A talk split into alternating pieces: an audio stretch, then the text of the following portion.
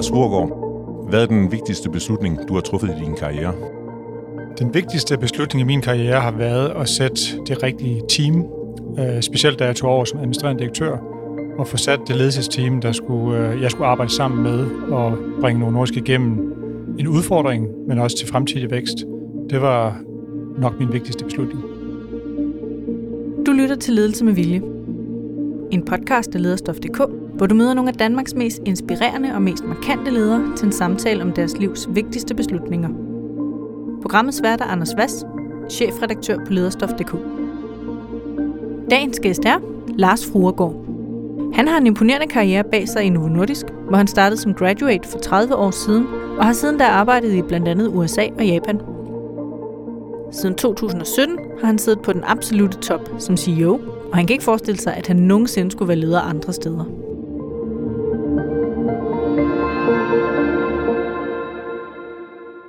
Lars Rurgaard, hvad karakteriserer dig som leder?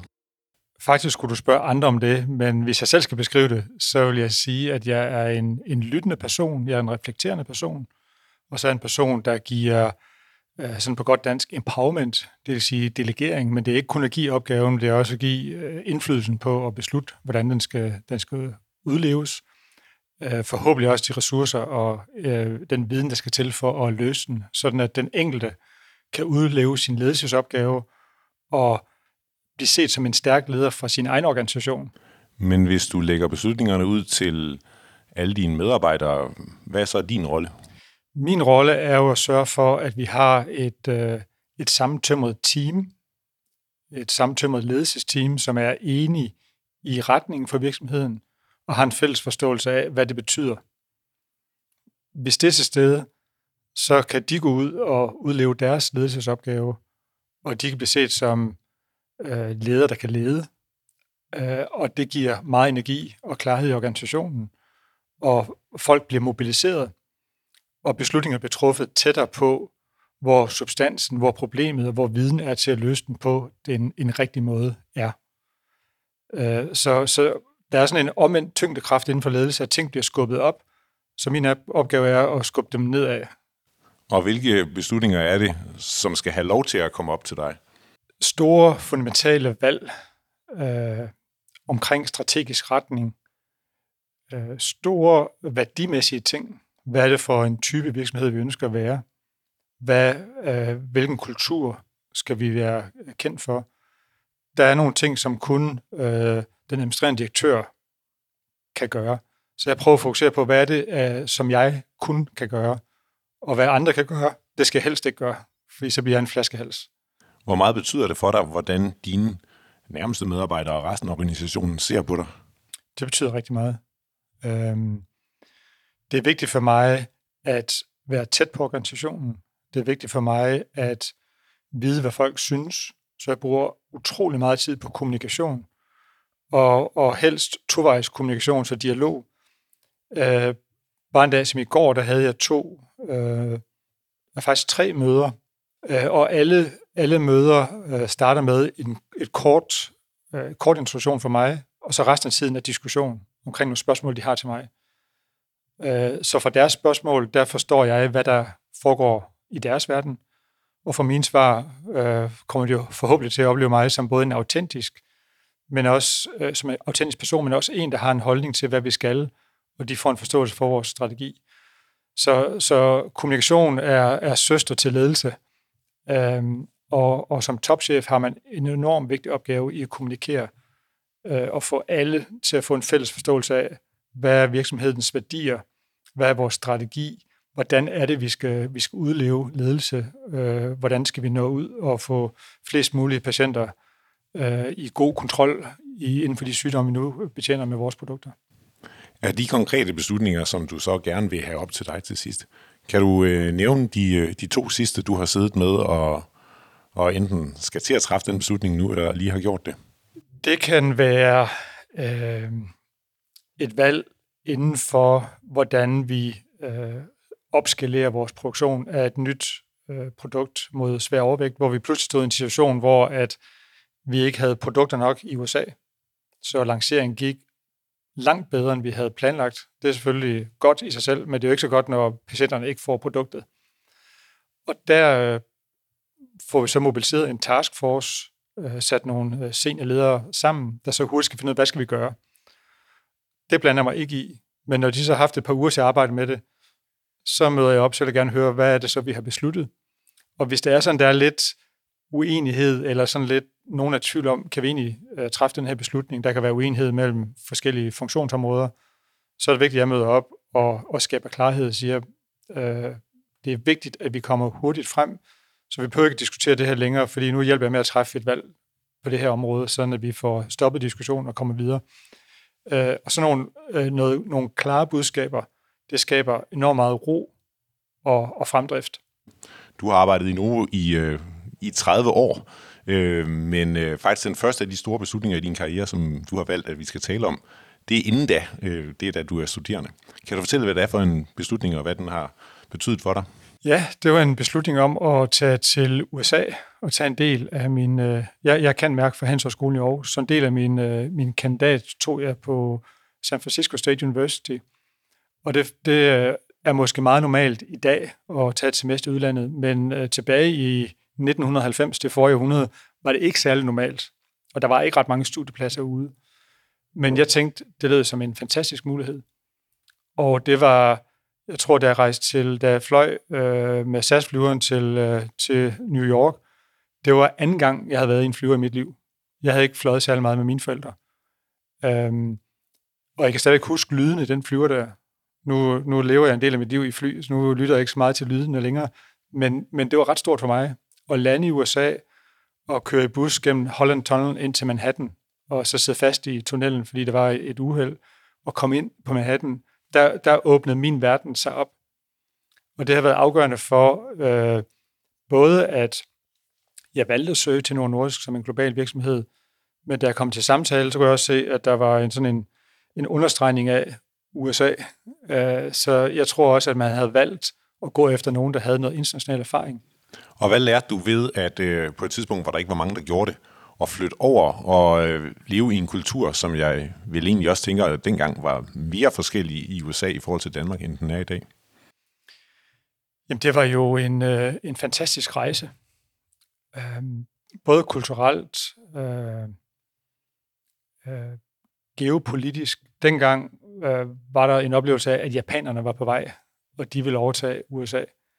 Så øh, på, på universitetet i USA, der meldte jeg mig så ind i, i, i uh, The US Japanese Business Association, øh, og jeg fik sushi for første gang. Så alle var meget sådan orienteret mod Japan, fordi den der japanske virksomhedsmodel, der var vokset op efter 2. verdenskrig, øh, virkede som sådan en meget succesfuld model.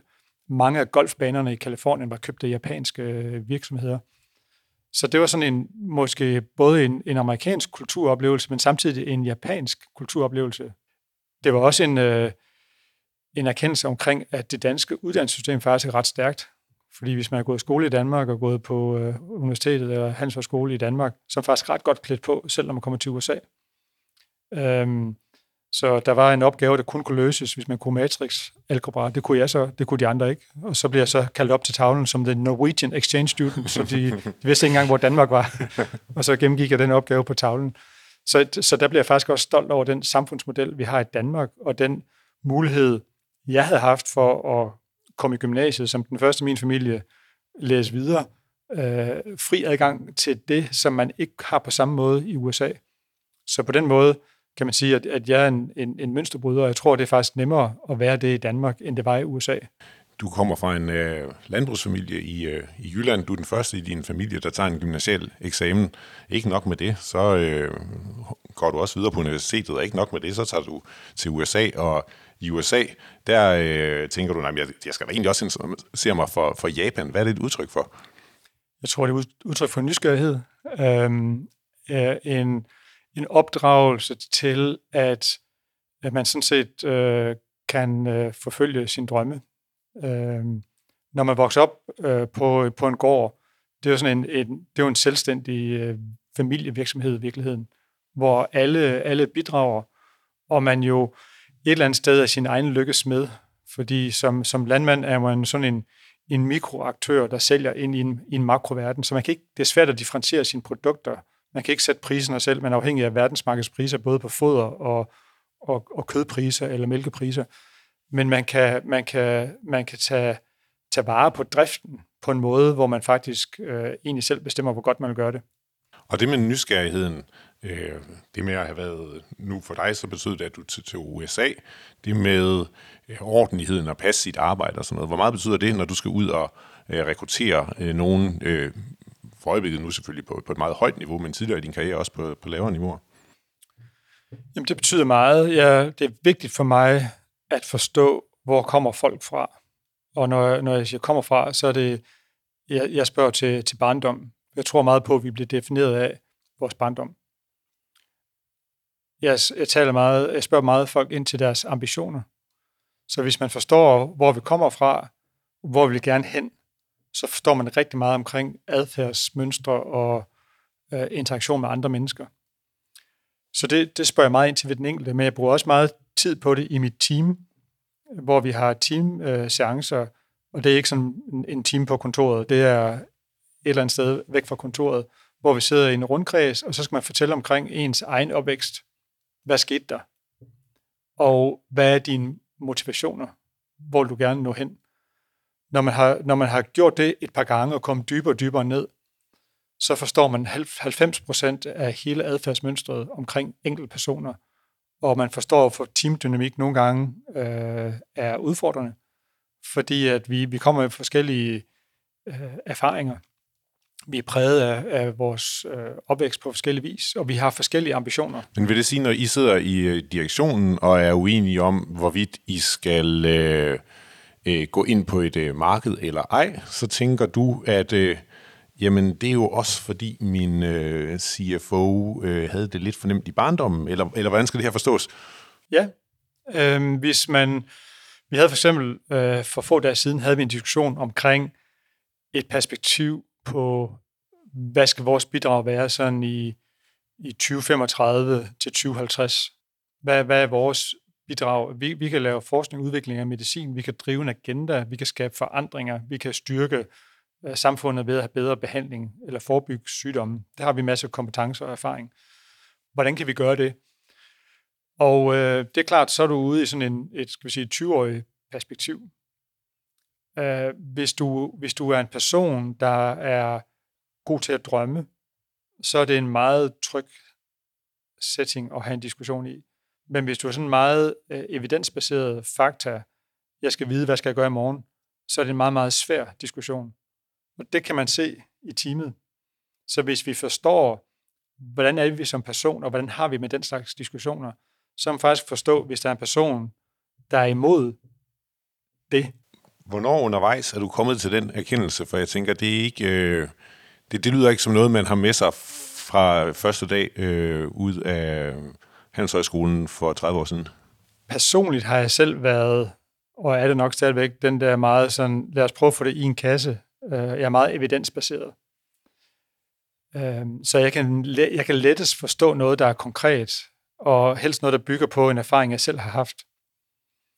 Men jeg har jo erkendt, at det faktisk virker som begrænsning for, for visse typer ting.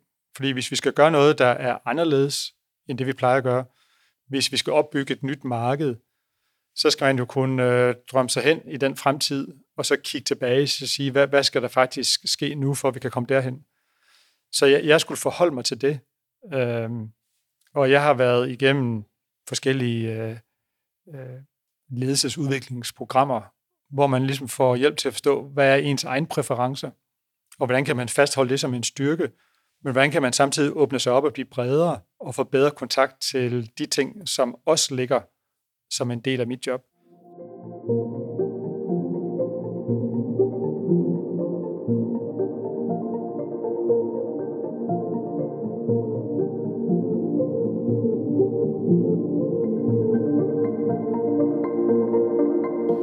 Den, øh, den næste store beslutning, det er, øh, efter du er startet i Novo Nordisk, og det er jo så også øh, størstedelen af dit liv, du har, har levet her, kan man sige, hvor øh, du får en øh, mulighed for ikke at komme øh, højere op i øh, hierarkiet, men faktisk øh, længere ned. Kan du fortælle om det? Ja, jeg var i finansorganisationen, og der var så en mulighed for at komme til USA og være øh, leder af finans og logistik i, i vores amerikanske fabrik, som dengang var, var ret lille. Der var måske et par hundrede medarbejdere. Øh, og det var så et, et job, der var nogle lag længere nede i organisationen, end der, hvor jeg var på det tidspunkt. Men jeg synes, det var en spændende opgave. Så jeg startede som en graduate i Novo Nordisk, hvor jeg roterede rundt, hvor jeg var meget sådan fokuseret på, hvad er opgaven her? Og hvordan forstår jeg, hvad der skal til for at løse den opgave, og hvordan kan jeg aflevere det, jeg har lavet på en måde, sådan at det, det er vedvarende. Det lærer man meget i sådan en, en, en periode, hvor man roterer fra job til job. Så jeg altid er meget øh, opmærksom på, hvad er opgaven egentlig? Det kan godt være, at man har et job med en, en jobtitel og et eller andet, øh, en eller anden ramme omkring det. Jeg har altid været meget opmærksom på, okay, hvad er opgaven? Altså, hvad er det, hvad er det, der skal flyttes fra A til B over de næste et til to år? Så, så i, i forhold til øh, det job i USA, så var der en, en meget konkret mulighed for, at jeg kunne komme meget tættere på forretningen, end jeg havde været tidligere. Og der var også nogle problemstillinger, der skulle, der skulle løses, løses. Så selvom det var på et lavere niveau, så tænkte jeg, det er en rigtig spændende opgave. Og jeg tror meget på, at hvis man i sin karriere træffer nogle valg om at være med, hvor de spændende opgaver er, uanset hvilket niveau det er på organisationen, så ender man med at bidrage rigtig meget. Man lærer rigtig mange forskellige områder at kende, og det er et fantastisk øh, platform for øh, at, at have et spændende arbejdsliv. Uh, det vil også lede til et typisk job på højere niveau, men det vil give alt i alt en oplevelse af, at man har, man har bidraget med meget og været med et sted, hvor der var noget, der rykkede. Så, så jeg valgte at flytte til USA, og heldigvis var min øh, kone og to små børn, de, de, de blev ikke så meget spurgt, de var så små, men var frisk på den, og så flyttede vi til, øh, til North Carolina. Som er der, hvor I nu bygger den, den første sådan store, vi laver øh, produktet fra, fra bunden fabrik øh, uden for ja, Danmark. Øh, har det noget at sige øh, for dig personligt, du har været med til at træffe valget, at det skulle være der, at du har en historik, at der er noget personligt mellem dig og Clayton, North Carolina? Jeg tror, det er måske at, at overfortolke lidt for meget, så sige, at fordi jeg har været der, så bygger vi en stor fabrik der. Men jeg var faktisk tilbage for to uger siden og så den her fabrik, som har, har, har et budget på 2,5 milliarder dollar. Så det er jo en meget, meget, meget stor fabrik. Og jeg har været der et par gange, og nu, nu er den så færdig, og den skal snart til at begynde at producere. Og det er jo, jeg er jo helt vildt stolt over, at det sted, jeg arbejdede for 21 år siden, hvor der var et par hundrede mennesker, nu er der omkring 1.500 mennesker, og den største enkelt investering i nogle nordisk historie, den ligger så der, og kom tilbage, og så faktisk møde nogen af de kolleger, der var der dengang, øh, faktisk møde øh, en, en søn af en, der var der dengang, øh, som siger, at jeg skulle hilse fra min mor. Øh, det, det er meget, meget stort for mig, og meget følelsesladet. Øh, ladet. Og du siger det med, at man skal tage den spændende, den sjove øh, opgave. Øh, hvad er den sjoveste opgave, du har fået? Nu, nu er det selvfølgelig de der opgaver, hvor, der betyder aller, aller mest op på toppen, men hvad er den sjoveste opgave undervejs i din karriere? Der, der er rigtig mange sjove ting i det job, jeg har nu. Øh, fordi når man sidder på toppen af en virksomhed, så bliver man inviteret og involveret i mange ting. Lige fra at indvige et, øh, et øh, diabetescenter, som er bygget i to containere i Ghana sammen med øh, dronningen. Det er ret sjovt. Øh, til at øh, blive inviteret til øh, møder i FN, hvor man får lov til at, at fortælle om, om noget nordisk. Så der er mange sådan sjove ting, hvor man siger, øh, der er også nogle, nogle dage, hvor, hvor det regner, hvor der er nogle svære beslutninger, og ting ikke går vores vej.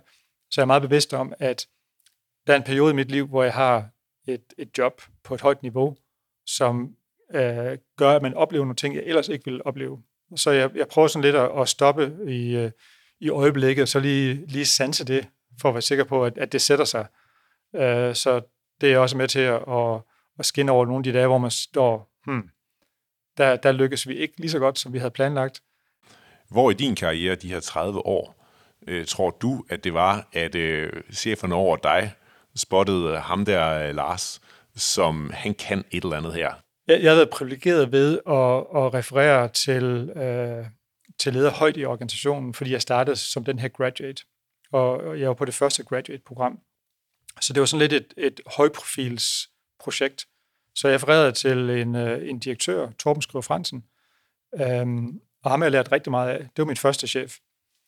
Og der var nogle, øh, nogle svære opgaver, jeg blev kastet ud i, øh, nogle beregninger, nogle koncepter, der skulle udvikles, som Torben skulle præsentere på et, øh, et ledelsesmøde.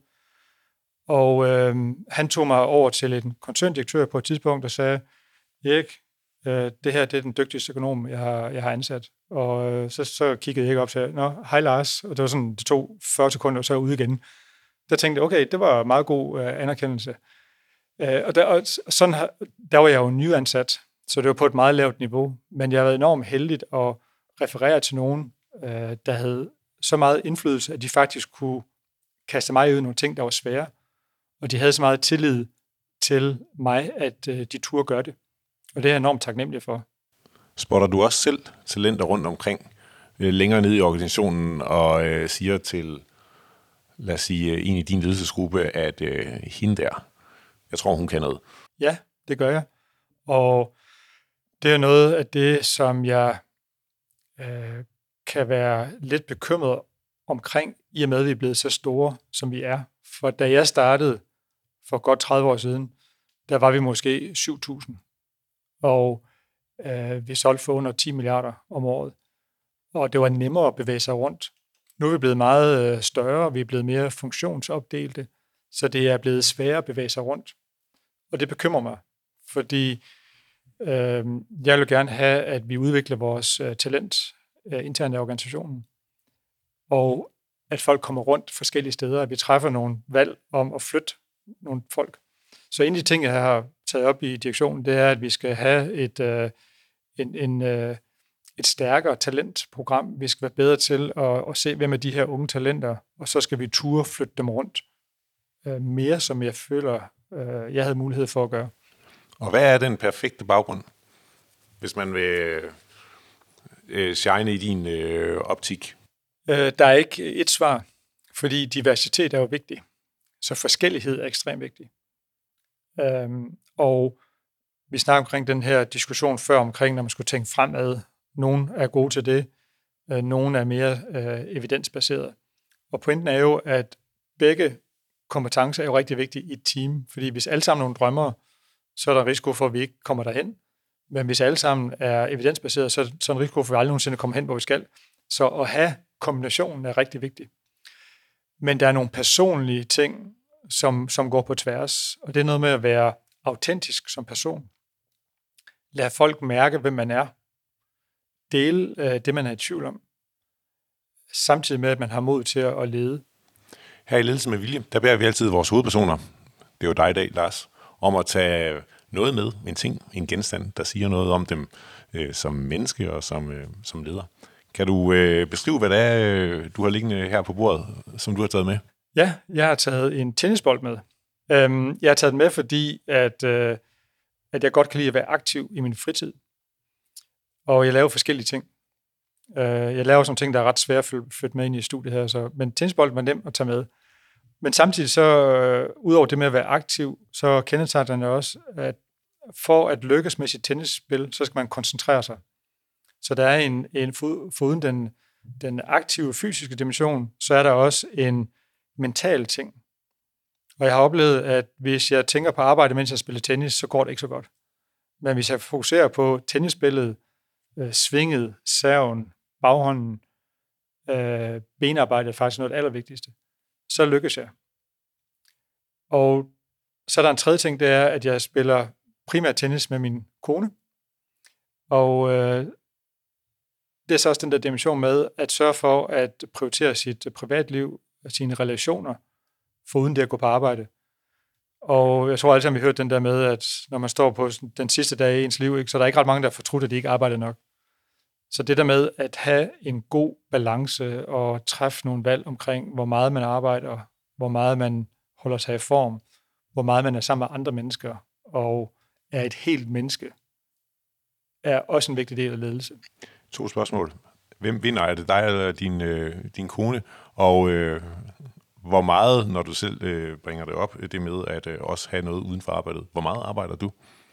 Min kone startede med at spille tennis, da vi boede i USA. Der vandt jeg hele tiden. Nu spiller hun jævnt meget, så nu skal jeg virkelig tage mig sammen, hvis jeg vil slå hende. Men hun slår mig lige så tit, som, øh, som jeg slår hende. Og i starten skulle vi faktisk øh, arbejde en del med det med, hvem er det, der vinder, hvem er det, der taber. Så nu er der faktisk, øh, nu betyder det ikke så meget, hvem der vinder og taber. Vi vil gerne vinde begge to. men det betyder faktisk rigtig meget, at vi, øh, vi, vi har nogle gode dyster, og, og vi, vi har nogle lange øh, dueller. Hvad var det andet spørgsmål? Det var, hvor meget du arbejder. Hvor meget jeg arbejder? Jeg arbejder meget. Øhm, jeg møder klokken 8 typisk, og der har jeg læst mine e-mails, fordi jeg vil gerne sådan ikke, ikke være sådan bundet, når jeg kommer. Fordi jeg ved, der, der sker altid, når jeg kommer. Og hvis chefen står og læser e-mails, øh, og ikke kan, kan deltage i, hvad der sker, så er det svært. Så jeg prøver at have et sådan vist overblik, inden jeg møder. Hvilket vil sige, at din arbejdsdag i virkeligheden begynder klokken? Jeg står op øh, 6.30, øh, og så, øh, så spiser jeg min, min havgryn og et glas vand, og så tjekker jeg mine mails, og så kører jeg på arbejde.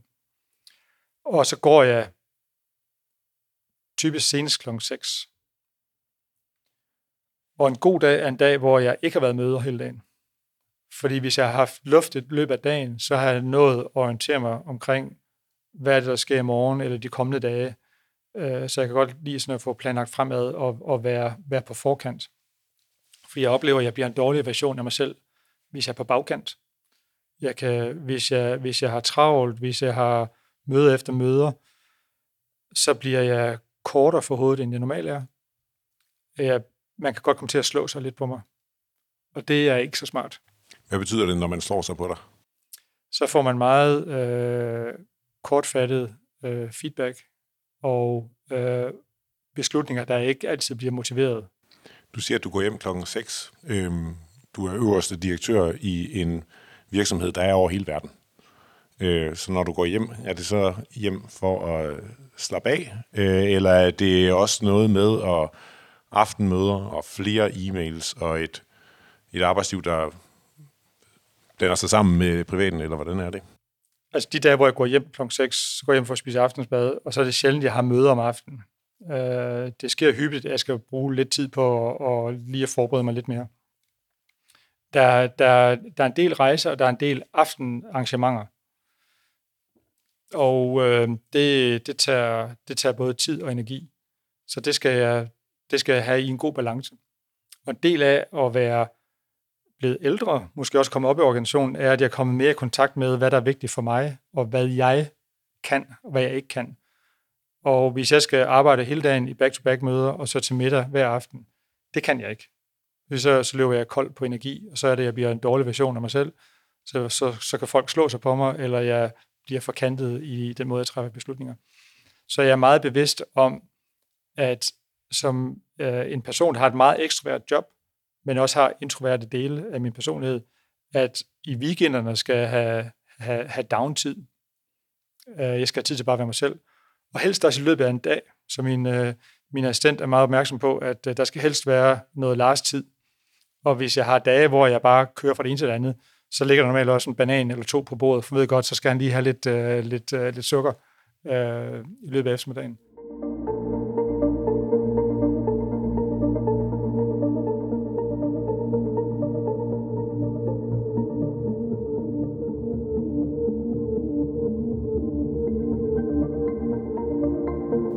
Tilbage til de allerstørste beslutninger i din karriere, faktisk den allerstørste, som du øh, fortalte her, øh, da du starter øh, som CEO øh, og sætter dit eget hold. Kan du fortælle om igen, hvorfor det her det er den største beslutning, og hvad det betyder for dig?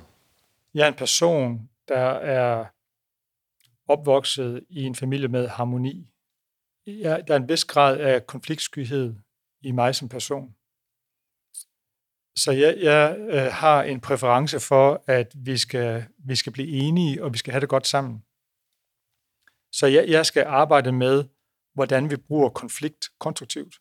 Og jeg skal arbejde med, hvis vi har et møde for eksempel, så er jeg jo mødeleder, og som den strukturerede mødeleder vil jeg gerne have, at vi følger agendaen og, og tiden og slutter til tiden. Så jeg skal være, det, det er min øh, præference og min bias, kan man sige. Så når jeg går ind til et møde, så skal jeg hele tiden, jeg skal minde mig om, når jeg starter mødet, at hvis tidsplanen skrider, fordi vi har en, en konflikt, så kan det faktisk være en god konflikt. Fordi det betyder, at okay, nu er vi inde ved essensen af noget, øh, noget manglende øh, afstemning i organisationen. Og hvis to af mine kollegaer er uenige, så er der garanteret 2.000 mennesker ude i organisationen, som mangler en eller anden retning. Så der skal jeg så styre mig selv og så sige, okay, det er faktisk en god konflikt, selvom jeg reelt ikke kan lide det. Jeg kan bedre lide harmonien, men faktisk lade, lade, lade tiden skride, fordi nu må vi lige afdække den konflikt. Og så kan det være i sidste ende, at jeg så skal træffe en beslutning, eller det kan også godt være, at vi siger, okay, det må vi tage ud af mødet og kigge på, på sidenhen. Men det med at sætte teamet sammen på en måde, hvor at man både kan have de positive konflikter, fordi vi har forskellige personligheder, der gør, at vi kan være et mere diverst team, og dermed bringe bedre beslutninger, men samtidig skabe en inkluderende kultur, hvor vi faktisk, baseret på, at vi kender hinanden, faktisk kan inkludere den der forskellighed. Det er ekstremt vigtigt. Når du så sætter det her team, så er det jo, kan man sige, enhver udnævnelse af nogen er at øh, springe over nogle andre. Så når du bliver CEO og siger, øh, jeg har brug for dig til det, og jeg har brug for dig til det, og jeg har brug for dig til det, så er det jo samtidig at pege på øh, nogle af dem, der var det i forvejen, og sige, du er ikke en del af, af det her hold. Hvordan håndterer du det? Hvis man tænker på, at det er en del af, af jobbet, og det er ikke, hvad man gør, men måde, man gør det på, der bliver husket, så, øh, så kan man konkludere, at, at beslutningen er sådan set den samme. Men det, der egentlig er opgaven, det er at få forklaret, hvorfor man har gjort det. Så, så jeg har oplevet i, i min karriere nogle gange, at skulle øh, meddele en person, at, øh, at der kommer en ændring her. Øh, det skyldes sådan og sådan og sådan, og jeg har vurderet, at, at, at du er ikke den rigtige på den rejse. Øh, men hvis man viser respekten over for personen ved at forklare hvorfor, og så kan sige, tage, tage sig vare på den person, så bliver det ikke så meget beslutningen, men det bliver den måde, man har håndteret den på. Så jeg kigger meget på, det er ekstremt vigtigt at træffe de rigtige valg, og ikke sådan komme på, på mellemhånd og lave et, et, et dårligt kompromis. Men du siger selv, at du er konfliktsky, ja. og du siger selv, at for dig er det allervigtigste, det er at kende folk, så det er jo mennesker tæt på dig, som, og du kender deres barndom, I har siddet i rundkreds og, og fortalt om det, og hvad der driver dem. I tæt på hinanden, I arbejder jo øh, sammen. Altså, hvordan øh, føles det for dig, når du skal sige til nogen, du skal faktisk ikke være en del af det, som du gerne vil? Hvis man kender hinanden, og man øh, er åben og ærlig omkring hinanden, så er man forhåbentlig også lykkes med at få givet løbende feedback, og man er lykkes med at have en løbende afstemning omkring, hvor længe skal man være i et job, og hvad sker der bagefter.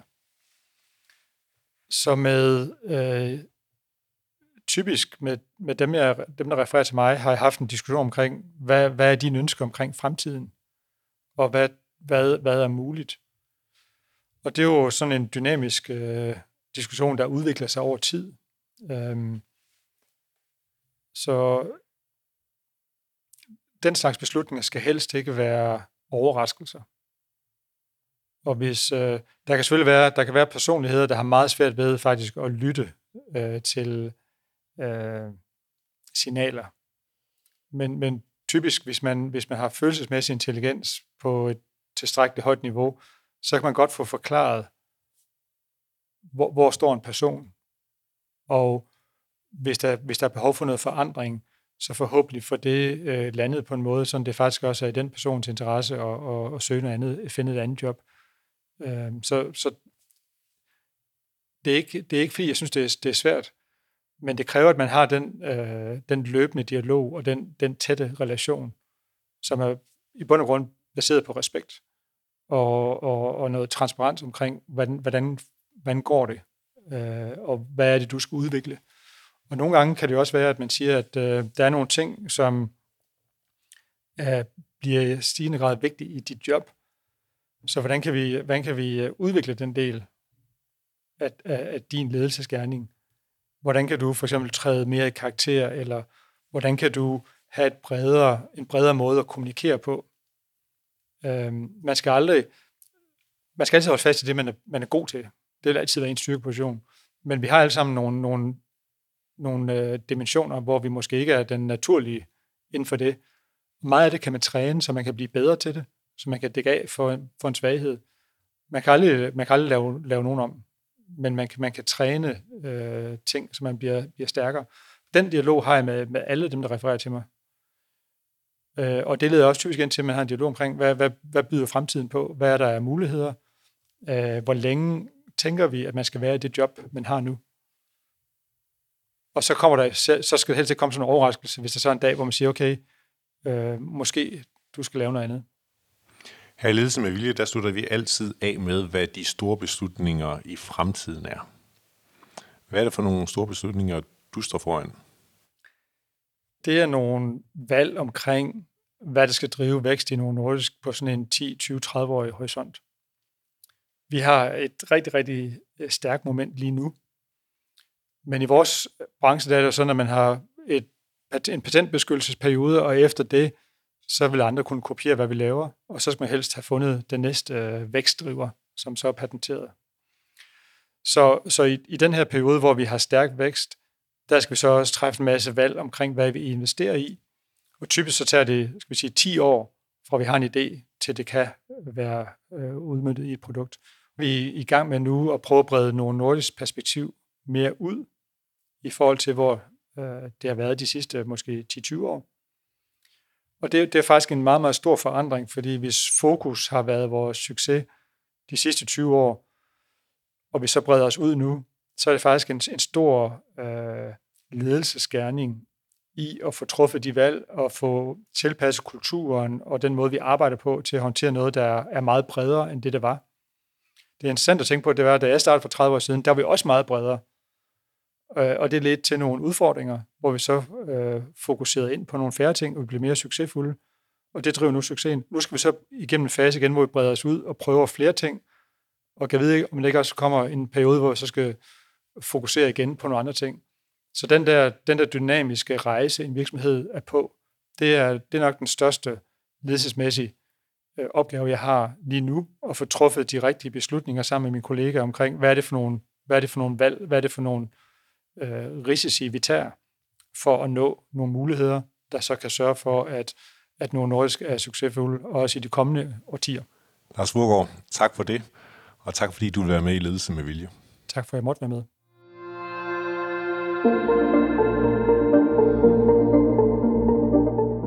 Du har lyttet til Ledelse med Vilje, en podcast fra lederstof.dk. Du kan abonnere på podcasten i din foretrukne podcast-app. Der kan du også finde lederstof.dk's nye podcast, Lederskabet.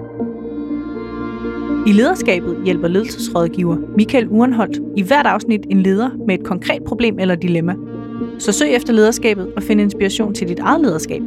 Bag ledelse med vilje og bag lederskabet står lederne, Danmarks største interessefællesskab for ledere med over 110.000 medlemmer.